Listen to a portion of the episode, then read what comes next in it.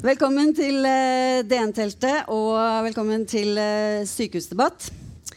Maktkampen om sykehusene eh, pågår for fullt i Oslo. Er også i ferd med å bli en del av den lokale valgkampen. Det skal vi eh, komme tilbake til. Um, dette temaet kan fremstå som litt uh, ugjennomtrengelig. Uh, hvorfor er det så utrolig viktig hvor sykehuset skal ligge? Er ikke det viktigste hva slags sykehustjeneste vi får? Og hvorfor er partene så sinte? Um, dette skal vi prøve å, om ikke utrede, så i hvert fall belyse. Um, denne maktkampen om sykehusene det handler jo egentlig om hvor skal sykehuset ligge? Eller rettere sagt, hvor skal sykehusene ligge? For det er jo noe av problemet. Man prøv, har prøvd å lage ett eh, sykehus i Oslo med samarbeid mellom de ulike. Eh, og vi har vel egentlig ikke kommet så fryktelig langt siden det hele startet eh, for ti år siden. Og for å få noe av bakteppet så har jeg fått med meg eh, partner her i Kruse Larsen. Uh, Bjarne Håkon Hansen skal uh, fortelle litt om uh, historien. Så vidt meg bekjent så er det ingen sykehus på kundelista. Nei. Nei. Og det er heller ikke derfor han er uh, invitert, men snarere i egenskap av å være helseminister i det herrens år 2009. Og Kan ikke du ta oss tilbake da? Hva, hva skjedde da med sykehussituasjonen i Oslo i 2009?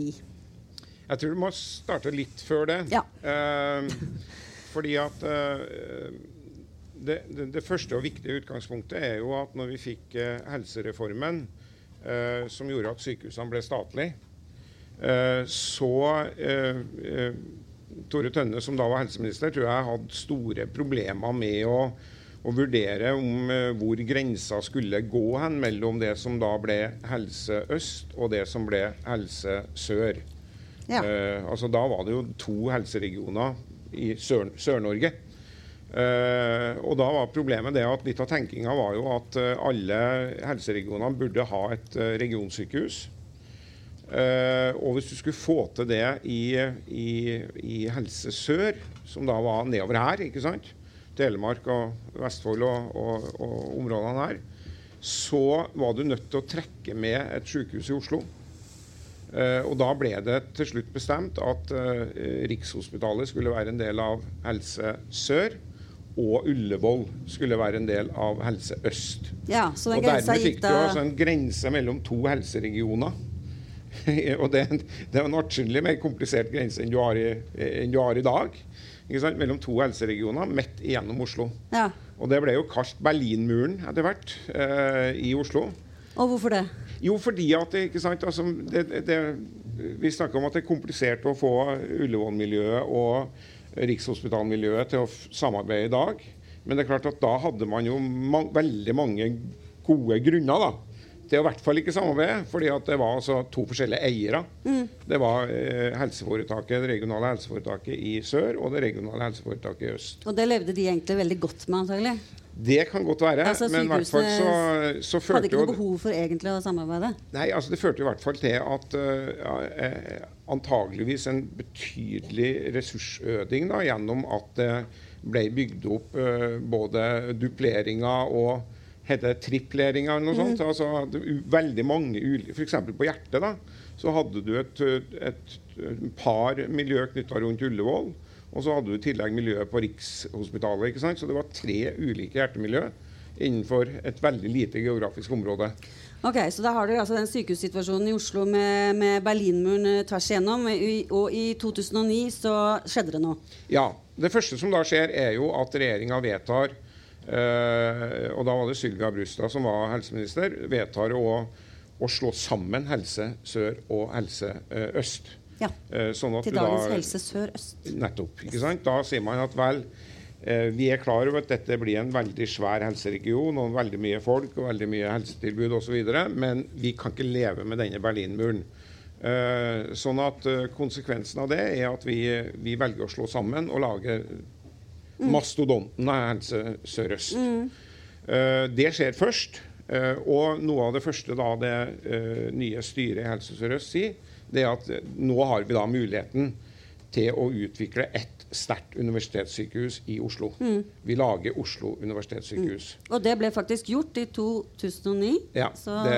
OUS eh, så da dagens lys, Ja. bestående av Aker, Ullevål, Radium og Rikshospitalet. Riks- Rikshospitalet. Ja. Og eh, på papiret. På papiret. Og Ja, og så kan du si det at eh, Altså, hvorfor? Eh, hvorfor var man opptatt av å lage OUS? Altså, Resonnementet bak det er jo ikke veldig avansert, og det er jo ikke noe sånn eh, veldig langs, lange eh, resonnement bak det. Det er jo rett og slett at vi ønsker å samle fagmiljø, ønsker å utnytte ressursene bedre, lage sterkere faglige enheter, sånn at vi får bygd opp ett hjertemiljø, ett kreftmiljø, ett ikke sant, og så videre.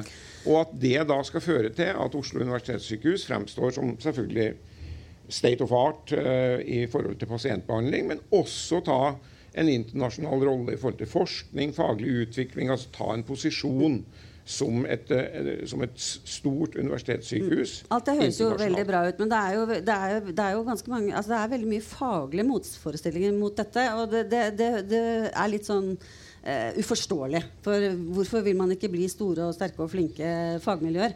Så her er, det er jo noe mer. Og hva er det i disse kulturene som gjør at uh, Sånn som du ser det, hva er forskjellen på Ullevål og Rikshospitalet? Historisk. Altså, er, det, er det to helt forskjellige typer leger, liksom? Det, Nei, det er jo ikke det. ikke sant? Altså, de er jo utdanna omtrent på samme plassene. ja, det er ikke så stort, dette landet? Nei, det er ikke det.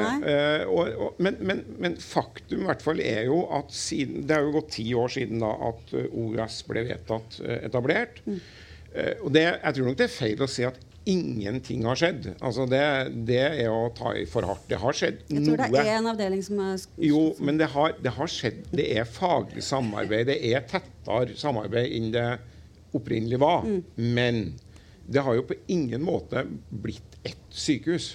Nei. Altså det er, det er det, Du kan si at jeg opplever det sånn at uh, fundamentet for denne utviklinga har vært litt sånn at man skal bygge litt på faglig entusiasme. Få de her avdelingene til å finne glede av å samarbeide, eh, bygge seg i hop, bli, bli en, enheter. Var Men denne faglige entusiasmen har jo ikke vært til stede i hele tatt. Mm. Tvert imot.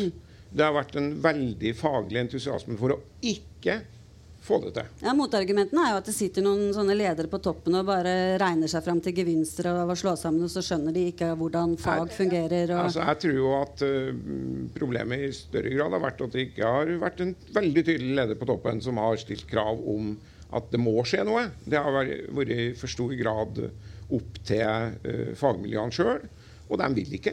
Nei. Og når de ikke vil og ikke får beskjed, så, så blir det Det var vel litt mer entusiasme da Siri Hatlen var leder av OUS og foreslo i sitt forslag at både Ullevål og Rikshospitalet skulle bestå.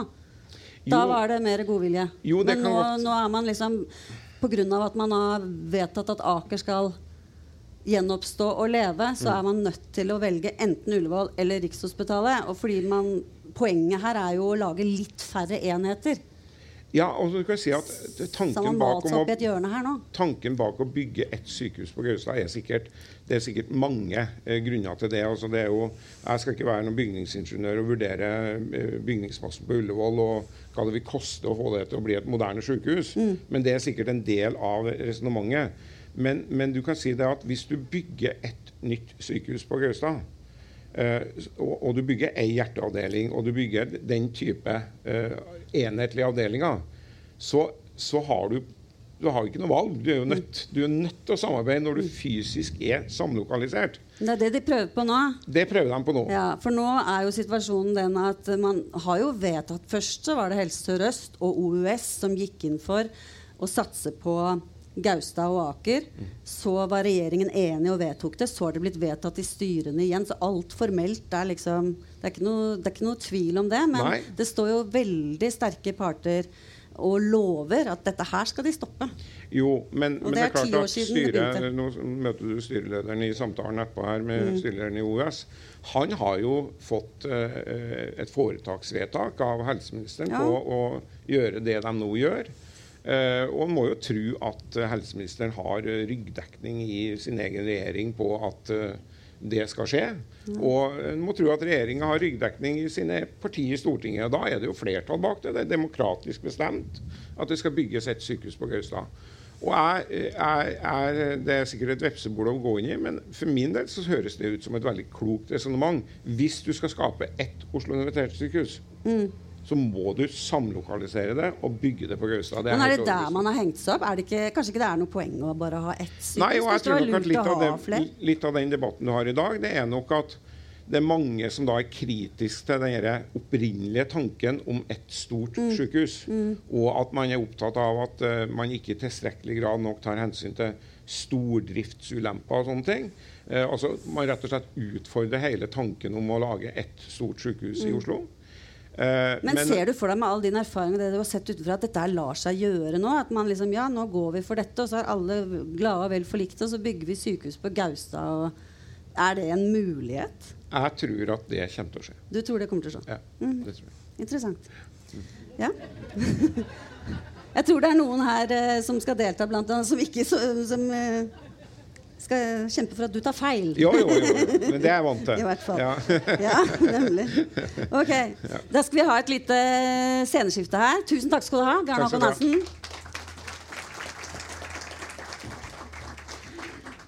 Vi har eh, to lag da, som skal, eh, som skal eh, snakke hver sin side av denne saken.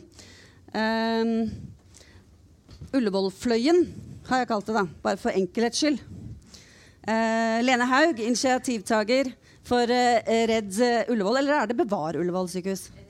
Redd Ullevål sykehus. Vær så god, kom opp. Helsepartiet også. Nestleder i Helsepartiet. Um, sammen med Michael Tetzschner, stortingsrepresentant for Høyre, eh, som mener at Stortinget er urettmessig forbigått i denne prosessen. du kan ta dele bord der. Det er ikke det verste. Ja, nå tror jeg at eh, Skal vi se, jeg tror jeg som skal stå her, ja, hvis ja. dere kan stå der.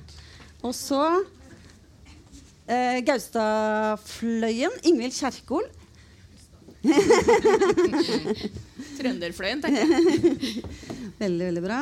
Eh, helsepolitisk talsperson i Arbeiderpartiet. Eh, og Gunnar Bovim, ansiktsløs byråkrat. Herved. Ta en god kikk. Um, Styreleder ved Oslo universitetssykehus.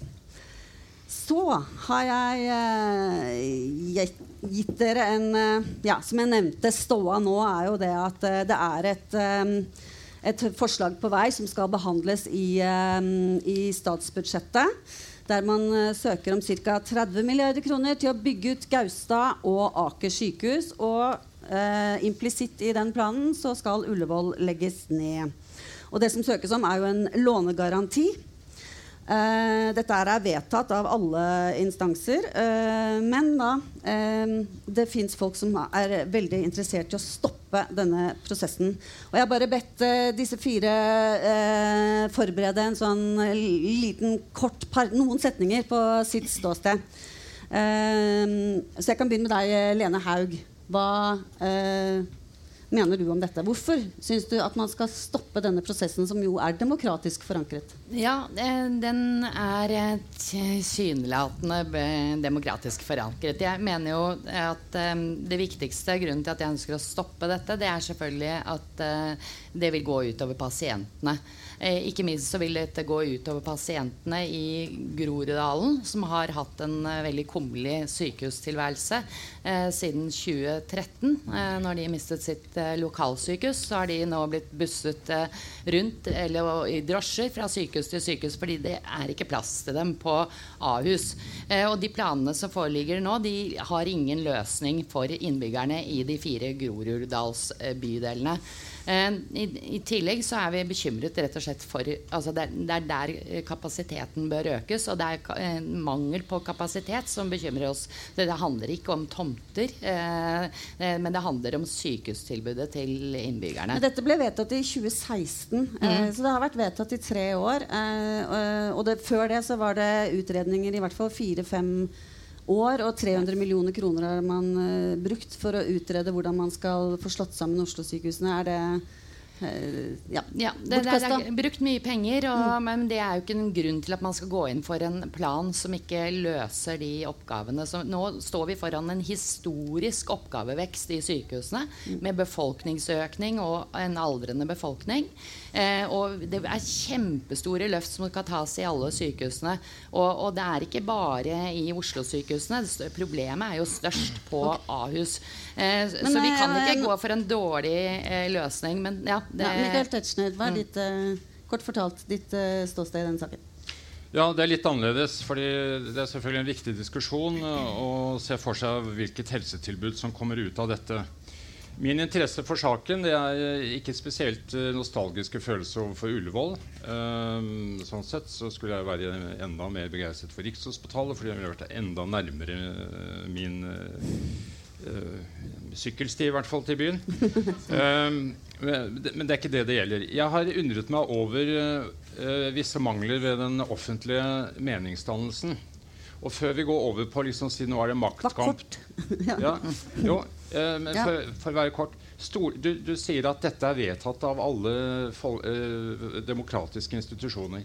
Det er rett og slett ikke riktig. Stortinget er ikke spurt. Stortinget har kommet inn på et stadium hvor de altså får beskjed om at de kan ikke være annerledes. For hvis, vi, hvis dere nå stopper denne garantisaken, som er en ren teknisk sak, eh, så eh, er det ikke slik at Stortinget får anledning til å gå gjennom og etterprøve de argumentene som er kommet på bordet veldig sent i, i uh, prosessen, nettopp fordi den tidlige ledelsen, den nå avgåtte ledelsen, som måtte trekke seg på grunn av manglende tillit, ikke hadde klart å etablere en gang et dialogforum, et samtaleforum og felles referanser med de som faktisk er ute og gjør jobben, og de som faktisk i dag utgjør Norges beste eh, akuttmedisinske og traumemedisinske uh, tilbud, og som fungerer aldeles utmerket. Mm. Og, da, og da spør jeg meg selv hvis, så, hvis, man er så besatt av tanken om sammenslåing, hvorfor tar man da ikke i utgangspunktet den største enheten, den med størst arealreserve, ikke bare for de aktuelle planene, men også for fremtiden, den vi ikke kjenner?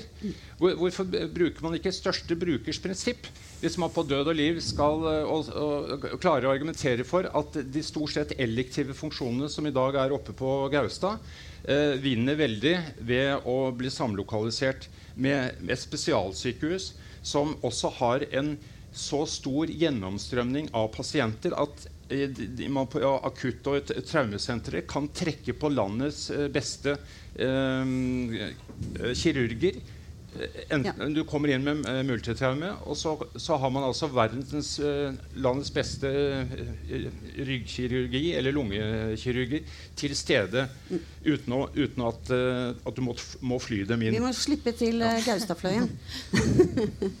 Egil Kjerkol, Arbeiderpartiet. Tenkte du var men vi kan være Gaustadfløyen. Vi fortsetter med politikk. ja. ja. Um, nei, Michael Tetzschner jeg, vi sitter jo i den samme nasjonalforsamlinga. Vi har vært med å behandle de samme dokumentene. Vi har vært med å behandle Nasjonal helse- og sykehusplan, hvor Oslo-prosessen er godt forankra. Så sent som i vår så var det et uh, representantforslag fra Rødt og Senterpartiet. Da stemte uh, Michael Tetzschner imot det forslaget. Så det er jo ikke sånn at man ikke har fått prøvd det her for den folkevalgte forsamlinga. Det går ikke an å påstå. Så du, føler deg, ikke, du føler deg ikke overkjørt og forbikjørt i den prosessen? Nei, det har vært i, i Sykehus-Norge så har det vært um, um, strukturprosesser på gang eh, fire steder. Helgeland de holder på å danne fremtidas eh, sykehusstruktur. Ja, men, Oslo. Møre og Romsdal. Ja, ja, ja. Men bare si hvordan det ja. ser ut. Innlandet, som er en del av Sør-Øst, og Oslo. Mm. Der går prosessene i mm. Sykehus-Norge. Mm. Gunnar Bovim. Ja, fra mitt ståsted som styreleder på OUS så er det sånn at vi eh, legger oss ikke opp i hvordan helseministeren forankrer sitt foretaksmøte. Men vi, vi betrakter foretaksmøtet som det stedet hvor demokratiet forteller oss hva som er oppdraget til helseforetaket. Jeg husker en gang jeg hadde Carl I. Hagen på besøk. der var der var sykehusdirektør på St. Olav. Og han sa sykehusstyrer og, og, direktører skal ikke lese noen aviser, bare foretaksmøteprotokollen. Gjøre nøyaktig det som står der. Ja, okay. uh, og, og, sånn sett så er Dere lov å tenke? Jo, så, så, skal vi, så skal vi innenfor de vedtakene se om vi kan gi best mulig helsetjenester og gi så gode helsetjenester som vi kan til en befolkning som, er, som har behov for det. Og vi må jo huske på at dimensjoneringsgrunnlaget for det som nå ligger av kapasitet, er ikke tilfeldig. Det er regnet på samme måte som landet for øvrig. Det ligger en stor politisk prosess bak det å etablere Aker sykehus som et stort lokalsykehus. Mm. Og da er valget En stor snuprosess, til og med. Da, og da er valget med de premissene lagt til grunn. Vi skal ha denne kapasiteten, vi skal ha dette sykehuset, lokalsykehuset bygget. Så blir spørsmålet er det fornuftig å drive både på Ullevål og Rikshospitalet, eller skal vi velge ett av dem? Jeg bare fortsetter litt med deg, fordi du, du, hadde en ganske dramatisk sak her hvor sykehusdirektør eh, Erik Stein gikk av nå i, i juni. Og, og, det sier jo litt om altså, Du kan jo si at ja, jeg blir fortalt av eier hva jeg skal gjøre, og ellers har jeg ingen tanker om det. Men samtidig så fikk du, så fikk du jo et problem opp i fanget med at uh, nesten samtlige fagorganisasjoner uh, hadde mistillit og er uh, veldig misfornøyd med prosessen. Og du må jo ha med deg tenker ikke du det, som øverste leder for sykehuset, at du må jo ha med deg folk. Absolutt. Hvordan skal du få til det? Absolutt, og det er en stor oppgave for Oslo universitetssykehus å bli godt konsolidert på det. Mm. Akkurat som det er en utfordring for oss at Brukerutvalget er veldig tydelig på at de ønsker at dette skal bygges i henhold til de planene som er nå. Og det er brukernes mm. omforente røst er brukerutvalget. Ja. Det er klart det er viktig å altså Vi må få til å få sammen brukerne, de ansatte, demokratiet og styringssystemet til å ville det samme. Mm. Det jeg var opptatt av når Dere skal ha ny leder, det blir oppgaven. Ja, men det jeg var opptatt av når jeg sa at vi skal lese foretaksmøteprotokollen, det er jo at helseforetakene gjennomgående blir beskyldt for ikke å være under demokratisk ledelse. Mm. Det er det vi gjør nå. Og så blir vi beskyldt for å være et eller annet annet fordi at vi følger den demokratiske inngangen. Og det mener jeg det er et tankekors. Mm. For vi ønsker en demokratisk ledet helsetjeneste i Norge. Demokrati. Alle vil ha ordet. Jeg vet ikke hvor jeg skal begynne. Ja, du kan begynne med meg. Hvis det er kort. Ja, jeg har lyst til å si, Dere må være korte. Jeg har lyst til å si til Gunnar og styret hans de er ikke å kritisere. Alle som har vært borti styreverv, vet jo at uh, når den største aksjonæren eller her eneaksjonæren taler, så prøver man å innrette seg etter, det. Uh, ellers får man uh, fort andre oppgaver. Så det er helt i orden. Men så er det jo dette, og det, jeg etterlyser jo den, den store sluttførte saken som ble fremlagt på Stortingets bord, hvor man får vurdert alle sidene ved dette, brukt alle de argumentene som er oppe i styret. Så, og så, La oss ikke ta denne Kjerkol. Uh, Adabada, dere stemte ikke akkurat for det forslaget. Det var altså et såkalt eh, Dokument 8-initiativ, mm. som er en resolusjon. Altså det, man, man, kan ikke styre syke... Vi har også Nasjonal helse- og sykehusplan som din statsråd nei, har lagt fram. Da. Dere er vel i samme parti? Po poenget er at det står i helseforetaksloven at sykehus uh, som skal selges eller nedlegges, skal til Stortinget. Og så har man definert dette annerledes. Jeg forlanger ikke noe mer enn at vi får dette på Stortingets spor.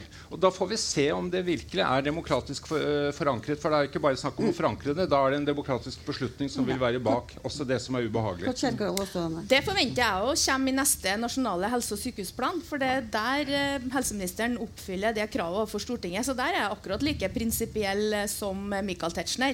Ja, men du vil jo abdisere oss fra å ha en mening om Ullevåls fortsatte eksistens? Nei, jeg har ikke abdisert, må du snakke for deg sjøl. Jeg er og har meninger om hele sykehustilbudet i Norge, også Ullevål og Gaustad. Ja, når den neste helseplanen kommer, så er disse beslutningene fattet? Ja, men Da har jo du direkte tilgang til din helseminister. Nei, det er ikke sånn det er. Vi opererer ikke partimessig i et demokrati. Vi har et 169 mennesker som, som, representerer 19 valgkretser. Det er det som er vårt institusjonelle demokrati.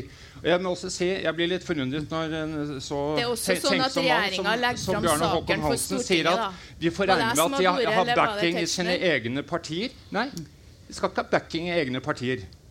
De skal ha backing i Stortinget. Så får vi se mm. hvilke partier det er som stemmer for, og hvilke som stemmer imot. Men, Men da må vi ha en ordentlig sak som er sykehusplan som Stortinget behandla i januar 2019, så er det gitt en konkret bestilling på uh, fremtidig sykehusstruktur for uh, Oslo ja, men men, US. Da. Ja. Når du velger så dramatiske ja, men, løsninger, så må det på Stortinget.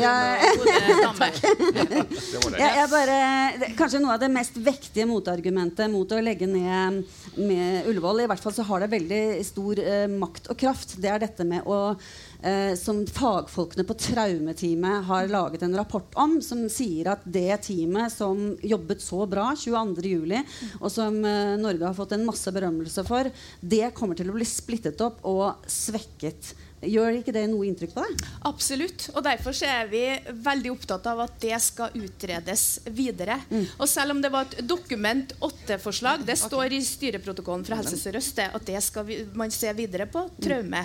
Man skal gå fra et eh, opptaksgrunnlag for de lokalsykehusfunksjonene på Gaustad fra 170 til 200 000 innbyggere. I nær dialog med det, fag, i nær eh, dialog med det fagmiljøet som er på Ullevål i dag. Mm, og det, det, at, mm. ja, og ja. det har også eh, de fagfolkene på Ullevål som har vært kritiske til det her, sagt at det er en rimelig de to, størrelse på opptaksområdet for å drive nasjonalt eh, traumesenter. Den er, ikke, eh, den er, ikke, kostnadsberegnet. Det er ikke satt av real til den. Det er bare sagt at man skal gjøre det. Dette er ikke en ferdig konseptfase. Det, det, det, ligger ikke i planene. Det ligger ikke noen løsning for hvordan man har tenkt at man skal få plass til dette her. Men må alle eh, løsningene være detaljert? Ja, ja, før man går inn for disse planene. For det, det, dette stemmer ikke. Eh, jo, det stemmer. Men det var jeg som hadde eh, ordet når han avbrøt meg, og så var det jeg som hadde ordet når hun avbrøt meg. Og det, det fagmiljøet som du beskriver, som var de som mm. leverte ståkarakter på 22. juli, de definerer jo rammene for hva de trenger for å drive nasjonalt traumesenter. Der er Stortinget tror jeg, ganske kompromissløs. Det tror jeg helseministeren vet at han må levere. Det kommer ikke til å bli de sa først 240 000. Det skal ikke svekkes. De sa først 240 000, så lot de seg presse til å si at det kunne til nød gå med 200 000. Eh, og så har man lagt det inn i planen uten å kostnadsberegne det, så man vet ikke hva det er. Det er heller ikke plass. For det er et kjempestort problem at det er et stort plassproblem på denne tomten foran Rikshospitalet, hvor man ønsker å bygge. Eh, og nå har man lagt også nye ting her. For det, når, når, det kommer kritikk, som er store ting som er mangler med den konseptfasen som har vært under utredning Konseptfase. Eh, ja. Det er da planen som er lagt fram nå, som da er vedtatt av styret i Helse Sør-Øst. Der det kommet tillegg som man ikke kan forklare hvordan man har tenkt å løse. Og det er nettopp på de tingene som kritikerne har reist skarp kritikk mot, bl.a. dette med eh, traumemiljø. Eh, og traumemiljø er én ting, men det er også alle, akutt, alle andre akuttfunksjoner som er på Ullevål. Eh, fordi at det er jo det er mye mer enn traume som er akutt. All akuttmedisin. Et samlet akuttmiljø. Og ikke bare ved Ullevål, men også ved Rikshospitalet og resten av landet har gått ut. Og dette er jo medvirkende årsak til at direktøren måtte gå av. Fordi han ikke lyttet til den rapporten som kom fra de, og valgte å legge det bort. Eh, okay, og de skal, sier at det blir et svekket et uh... tilbud til pasientene. Ja. Og de sier at de kan ikke garantere for forsvarligheten med de foreliggende planene. Og dette må jo tas alvorlig.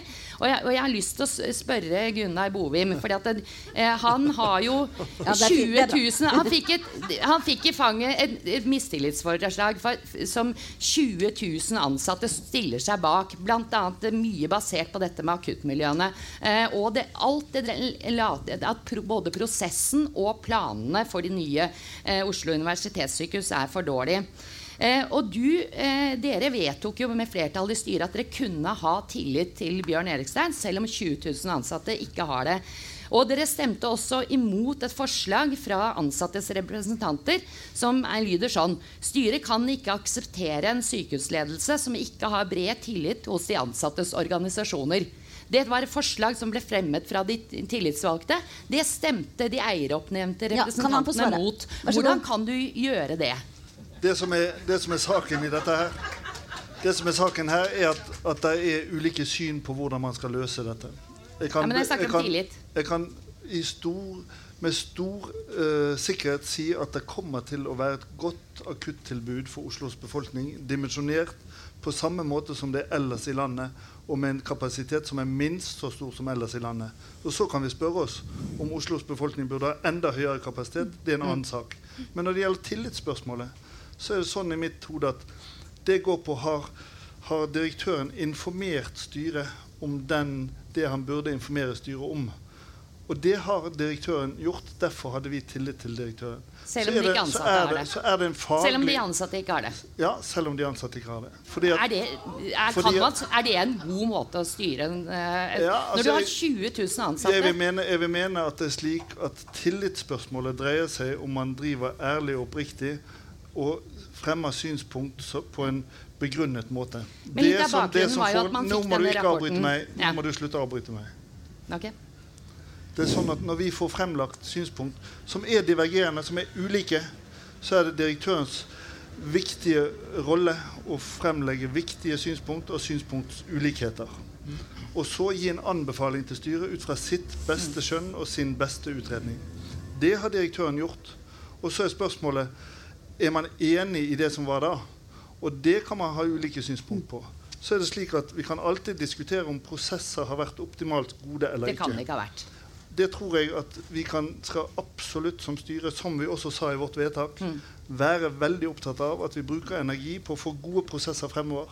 Som gjør at denne ulikheten i brukernes syn på den ene side, ansattes syn på den andre side, helseministerens Ja. eh, synspunkt som demokratisk organ den, Dette store spriket, det må vi prøve å lime sammen. Men Alle gode krefter må det. altså, Dette er en representanter som er. Det oppnevnt av ledelsen. Det er jo ikke noe eh, tvil om at det. OS ikke har vært konsolidert, som Gunnar sier, i denne prosessen. Det er jo historieskriving, det er ikke noe særlig analyse.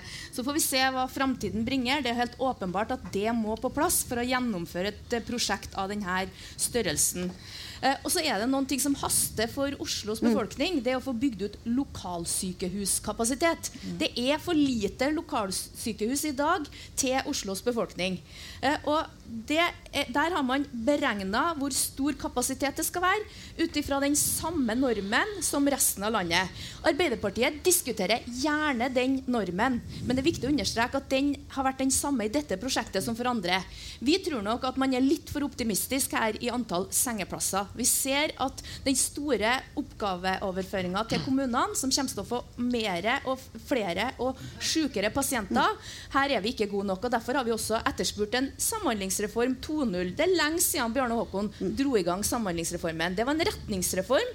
Bent Høie han holder de samme innleggene om samhandlingsreformen som han gjorde da han var opposisjonspolitiker i 2010. Vi trenger ny energi, vi trenger flere virkemidler. For den store oppgavebøra, den, den vokser imellom sykehus og kommunene. Ja. det er overgang, si nei, det er en. Jo, overgang et til eh, situasjonen i. Oslo, hvor ni partier har faktisk gått ut og lovt på forhånd at de har tenkt å stemme reguleringsplanen når den kommer på bordet i Oslo. fordi at det er Oslo kommune som skal vedta reguleringsplanen for eiendommen. Så har de lovt på forhånd å stemme den ned. Eh, eh, og det, der har vel Helsepartiet vært med på å, å, å tromme de, denne gjengen med, med partier sammen, som håper da at de får plass og flertall i eh, det nye bystyret. Men, men hvor seriøs politikk er det der, egentlig? Det går, det går jo ikke på at man skal eh, på en måte sabotere noe, det vil jeg bare sagt. Men, men de, de planene som foreligger for De planene som foreligger for å utbygge på, på Gaustad Det er trangt der. Det, det, altså, det vil være en meget det er, Husk på at det er et stort sykehus der fra før av. Rikshospitalet som skal drifte der.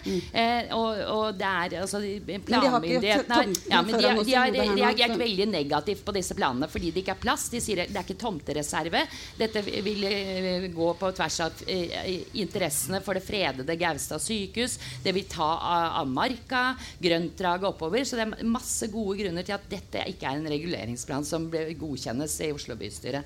Eh, men det er også flere ting som man har gått inn for. og det er jo først og fremst så vi går Tetzschner, du også hadde noen meninger om dette med å bruke reguleringsplanen politisk. Ja, For det første så er jo området i dag ikke uregulert. Eh, slik at styret sitter på et eh, brev fra våre by, by, byplanmyndigheter i Oslo hvor de Hvilket eh, styre? eh, til Bovim.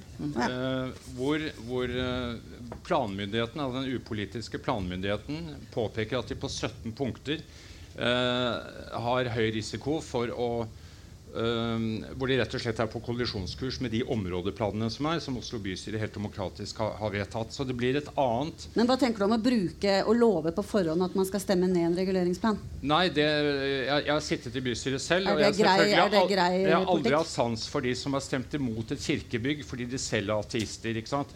Hvis, hvis kirkebygget er eh, no, noe man vil ha, så, så, må man være saklig og så se om det holder seg innenfor de mm. Områdeplanene som man har. Jeg vil sterkt advare de nye partiene å sette seg i en sånn uh, lenkegjengvariant uh, av Oslo bystyre og si fordi vi ikke liker den interne omorganiseringen som ligger bak eh, bygningsforslagene, så, så, skal vi ikke medvirke. Det kan bli ja, det, kjent ugyldig ja, hvis det Vi har også rikholdig pra praksis fra mm. kommunestyrer som ikke har klart å holde seg til deres oppdrag og tatt utenforliggende eller usaklige hensyn. Mm. Rådhusutspillsdommen er jo helt elementær. Eh, altså var, var et helt ålreit uh, hospits som, som uh, fylte alle kravene. Uh, og som, som skulle ha formannskapets godkjennelse for å drive herberget. Og det ble tilbake, eller ble nedstemt pga. Arbeiderpartiets ønske om å, å presse alle til å inngå tariffavtaler. Og Bygningsloven kan altså ikke brukes til å presse frem tariffavtaler. Da får vi snakke om noe annet. Så, så, så, det er forvaltningsmisbruk hvis de ni partiene setter seg som en lenkegjeng og sier uh, fordi vi ikke liker de bakenforliggende planene men det Oslo bystyre er i sin rett til å si dette er for høyt, mm. dette er for farlig, dette er for nær uh, bekker og, og, og, og drag. Ja, ja, men dere Det er det vi kommer til å si når vi ser på men, men igjen Jo, men, det, men, men, dette er det ulykkelige. Vi har konklusjonen. Vi skal bare få en begrunnelse. Vi har jo sett de planene så langt, og vi har sett innvendingene. Vær så god. Eh, Oslo kommune er planmyndighet. De styrer etter plan- og bygningsloven, så det slipper faktisk er å diskutere her. Det, men det man skal tenke over det, ja, mm. uh, det man skal tenke over, det er at det å drifte sykehus, det er der de store kostnadene er i Norge. Og det er noen forhold som enhver helseminister må forholde seg til. Det er de faglige kravene, for helsetjenesten skal være lik over hele landet. Det er tilgangen på fagfolk. Den er begrensa. Mm. Og så er det arbeidstidsbestemmelser. De fagfolkene vi har, kan ikke jobbe 24-7 hele døgnet. Da blir de ikke gode Men fagfolk. Men hjelper det da å legge ned Ullevål for å og få til dette? De er det det du tingene, mener? Nei, alle de tre tingene virker i seg sjøl sentraliserende. Mm. Og hvis vi da i tillegg skal investere på en måte som virker sentraliserende, så vil Der har faktisk Bent Høie ganske rett for seg i dagens DN.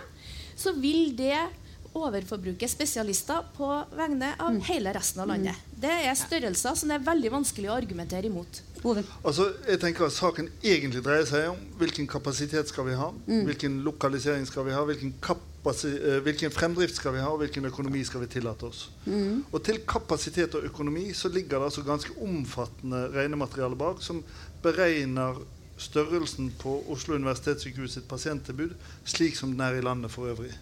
I tillegg så kommer regionfunksjonen og landsfunksjonene som er lagt på toppen av det. Kapasiteten på de ulike tomtene dekker godt opp det. Det er det godt mulig å få til. Så er spørsmålet hvilken fremdrift ønsker vi å ha. Og jeg tror alle som ser dette nå, vil se at hvis vi ser behov for at det er en rask fremdrift vi trenger, så er det foreliggende materialet som man har arbeidet med nå i ti år, det beste grunnlaget vi kan ha for å få en fremdrift som gjør at vi får et bedre sykehustilbud med større kapasitet nå fremover, uten å vente fem-sju år. Men selv om du til jeg, så, ikke mener noe, så vil du så, ikke ha ny utredning på Ullevål? Så vil jeg si at når det gjelder økonomi i dette, så er det klart at investeringsøkonomien er mye penger. Det er en stor mm. virksomhet. Mm. Men det som virkelig drar penger her, det er driftsøkonomien. Vi bruker 22 milliarder per år til å drive Oslo universitetssykehus. Det skal en ganske liten justering til i positiv eller negativ retning for det som vipper hele investeringsøkonomien veldig raskt. Ja, bare, ja. Og til det, kort, konkret, til det, eh, til det så må jeg si Hvor mye penger eh, går det i doble og triple funksjoner? Har ja. dere regna på det? Og hvor mye av de blir borte ved at et av de store sykehusene blir borte? Jeg kan ikke gi deg en sum på det, men det er helt åpenbart det at det går mye summer til å drive doble regionfunksjoner. Mm. Det som kjennetegner hele kostnadsbildet, hele kostnadsbildet for, Nei, det har du ikke. 20 til 25 25 til 30 millioner. Det er Nei, det er helt- planer. det- Det, det er jeg- årlig. Det, det- man vurderer, det- skriver at man kan spare på Det ligger i Helse Sør-Øst sine planer. Les nei, Det er det man har beregnet man kan spare på reduserte vaktlag. Jo, det er det. 25 til 30 millioner, det er på reduserte vaktlag. Eh, man, man har riktignok forespeila en gevinstrealisering på, på, på, på to, opp til mot to milliarder i året. Men det er ikke på, på reduserte vaktlag. Eh, det er man når man faktisk har bedt klinikksjefene om å, komme med det beste scenarioet for hvor mye penger det er mulig for dem å spare hvis alt blir lagt til rette på dem, for dem 100 Spørsmålet er, og, og jeg bare si noen eksempler som ligger inne i planene. Det er f.eks. at ortopeder eh, på Rikshospitalet har sittet og drømt at de eh, hver kirurg kan ha to operasjonssaler hver i drift, hvor de kan gå fra den ene salen til den andre.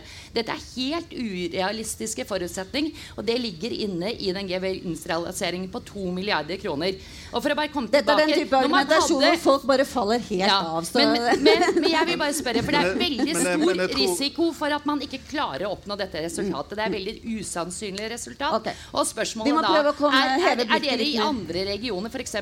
Helse Midt, er dere villige til å være med på å finansiere dette hvis man ikke øh, tjener inn de to milliardene Det som er årlig? altså, for er hvor skal pengene komme fra hvis dette sprekker? Det, det som er helt sikkert, er at risikobildet er størst ved å holde flere vaktler gående i Oslo. Men det er det, veldig- store veldig- risikobildet. altså, ved- for helse- er for helse Da vil Helse Midt, hvis de ikke klarer å skaffe de spesialistene Stortinget har sagt at de må ha for å opprettholde spesialisthelsetilbudet, mm. så kommer det en regning da òg. Sant? Ja, men, men det, er, altså, det er jo ikke sånn at legene er på jobb eller vaktlagene er på jobb uten jo, at de gjør noe. De sitter ikke der og tvinner trommetotter. Når de er, på, er på, på vakt, så jobber de med pasientene.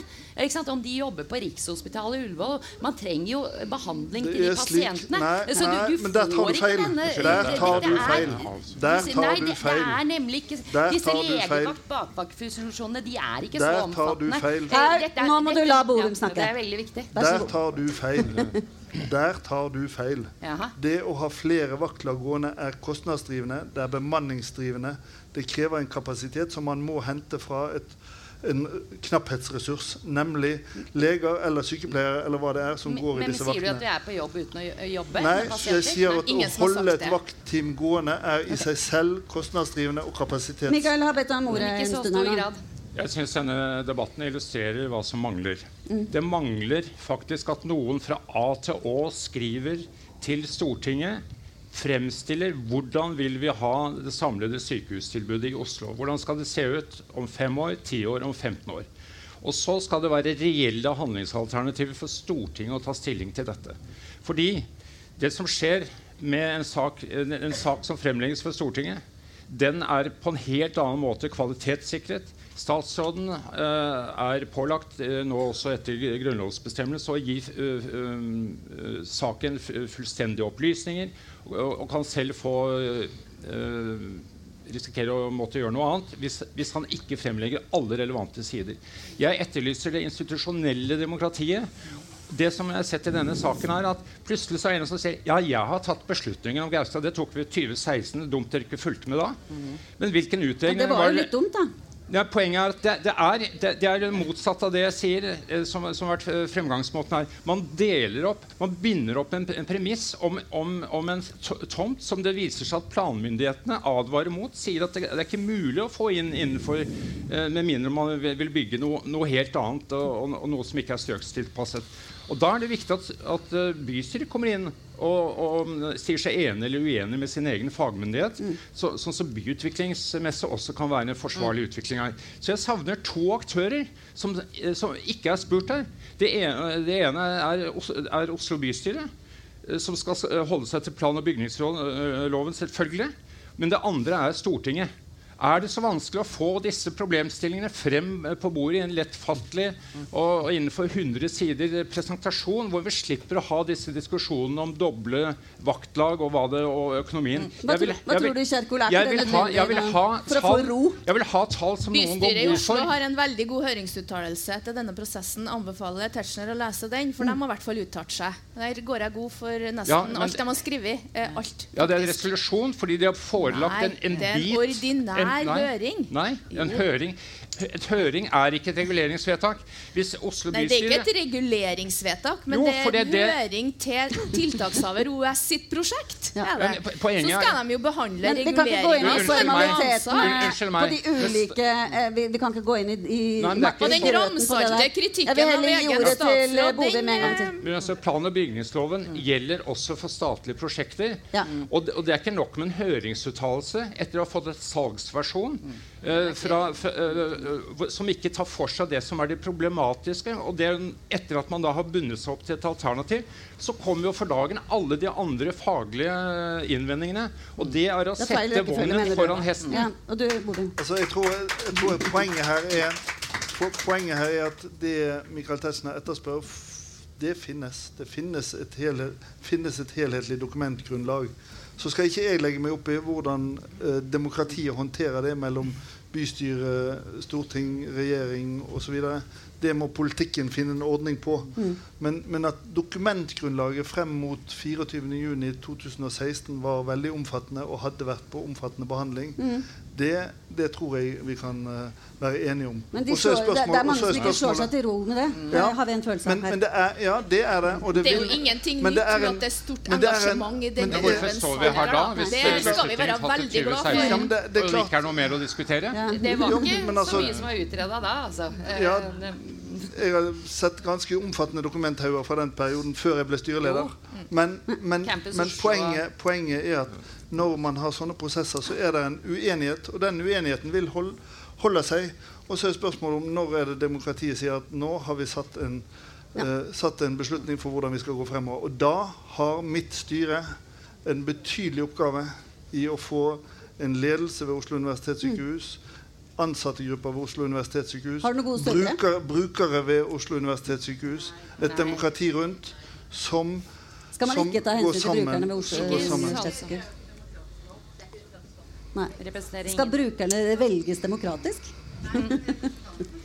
Vi er alle brukere av helsetjenestene. Jeg var nylig innlagt på sykehuset selv. Eh, og, og det er sånn at eh, De brukerrepresentantene de er oppnevnt av ledelsen. De sitter på en ganske høy lønn. De er ikke valgt av noen. Og denne brukerrepresentanten som blir vist til spesielt her, eh, hun har ikke engang støtte i resten av brukerutvalget. Er hun ansatt av sykehuset for å være Altså- Ja, hun po er positiv bruker, er uten Hun får sikkert honorar fra helsetjenesten for å gjøre den jobben de gjør. Men, men jeg tror det er Altså det er en, vi kan godt ha en egen diskusjon om hvordan brukerstemmen kommer frem. Jeg forholder meg til hvordan man Men er blitt enig om at den det er kommer frem. bruker. Det tror jeg det er viktig at Men- du sier den ene brukeren, og ikke snakker om brukerne. For hun Altså hun representerer, representerer, hun representerer Jeg brukerne. representerer en annen bruker. Og er like Men vi er på overtid, så Og- og la meg si det sånn jeg syns denne debatten eh, bekrefter at det er uh, sterke følelser og meninger og uh, høy temperatur. Er det lov til å få litt Nei, om det- det med kapasitet? Nei, det er ikke lov. er Eh, denne saken har vært utredet i sju år og har brukt 300 millioner, og jeg tror kanskje ikke den er helt over enda og jeg bare sier tusen takk